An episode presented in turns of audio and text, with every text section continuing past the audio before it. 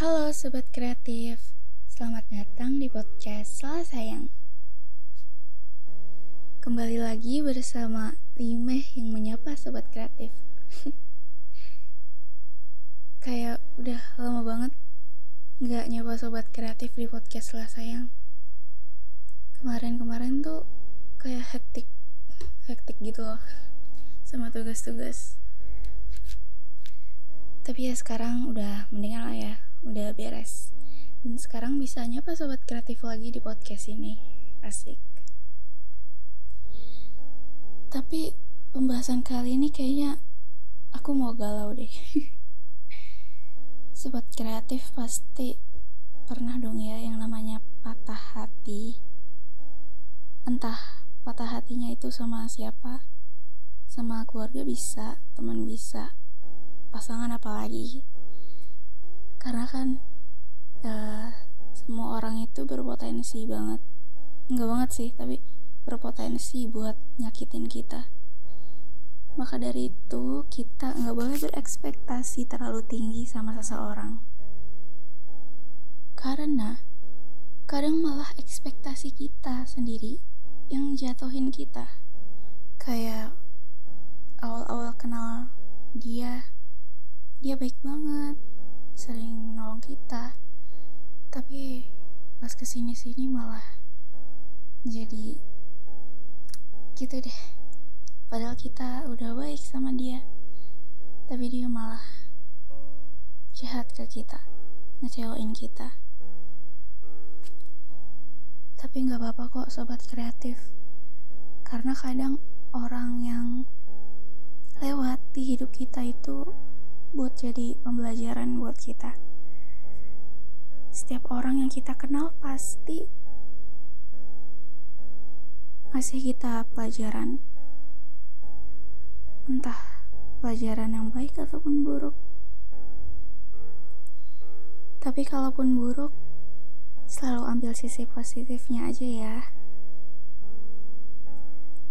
Contohnya, aku pernah uh, berada dalam hubungan yang dibilang cukup toksik.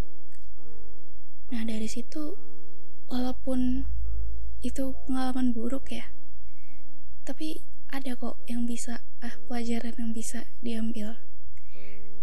Yang paling utama, yang paling pertama adalah belajar buat lebih sabar, sangat sabar.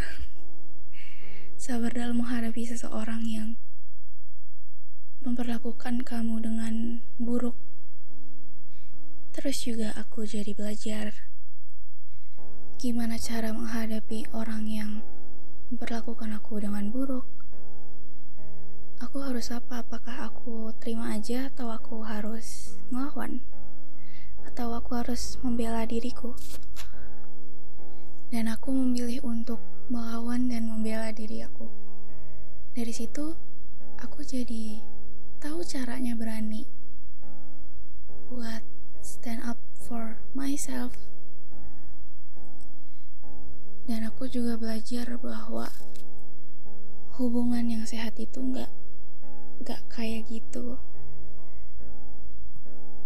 Aku jadi tahu ciri-ciri hubungan yang toksik seperti apa. Terus uh, ciri-ciri kalau dia itu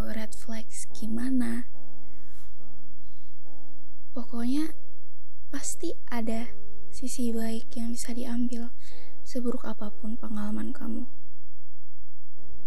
Walaupun setelah aku keluar dari hubungan itu aku galau, sedih, nangis. Tapi setelah beberapa waktu aku sadar sendiri gitu, buat apa aku nangis? Dan lebih milih buat ambil sisi positifnya. Dan aku harap sobat kreatif juga bisa kayak gitu. Dan jangan lupa juga untuk memaafkan. Kamu boleh banget cut off orang yang ngecewain kamu. It's fine. Mungkin itu juga salah satu cara biar kamu hidup lebih tenang gitu deh. Kayaknya udah cukup deh aku curcol di sini. Pokoknya tetap jaga kesehatan ya sobat kreatif. Dan sampai jumpa di episode selanjutnya. Dadah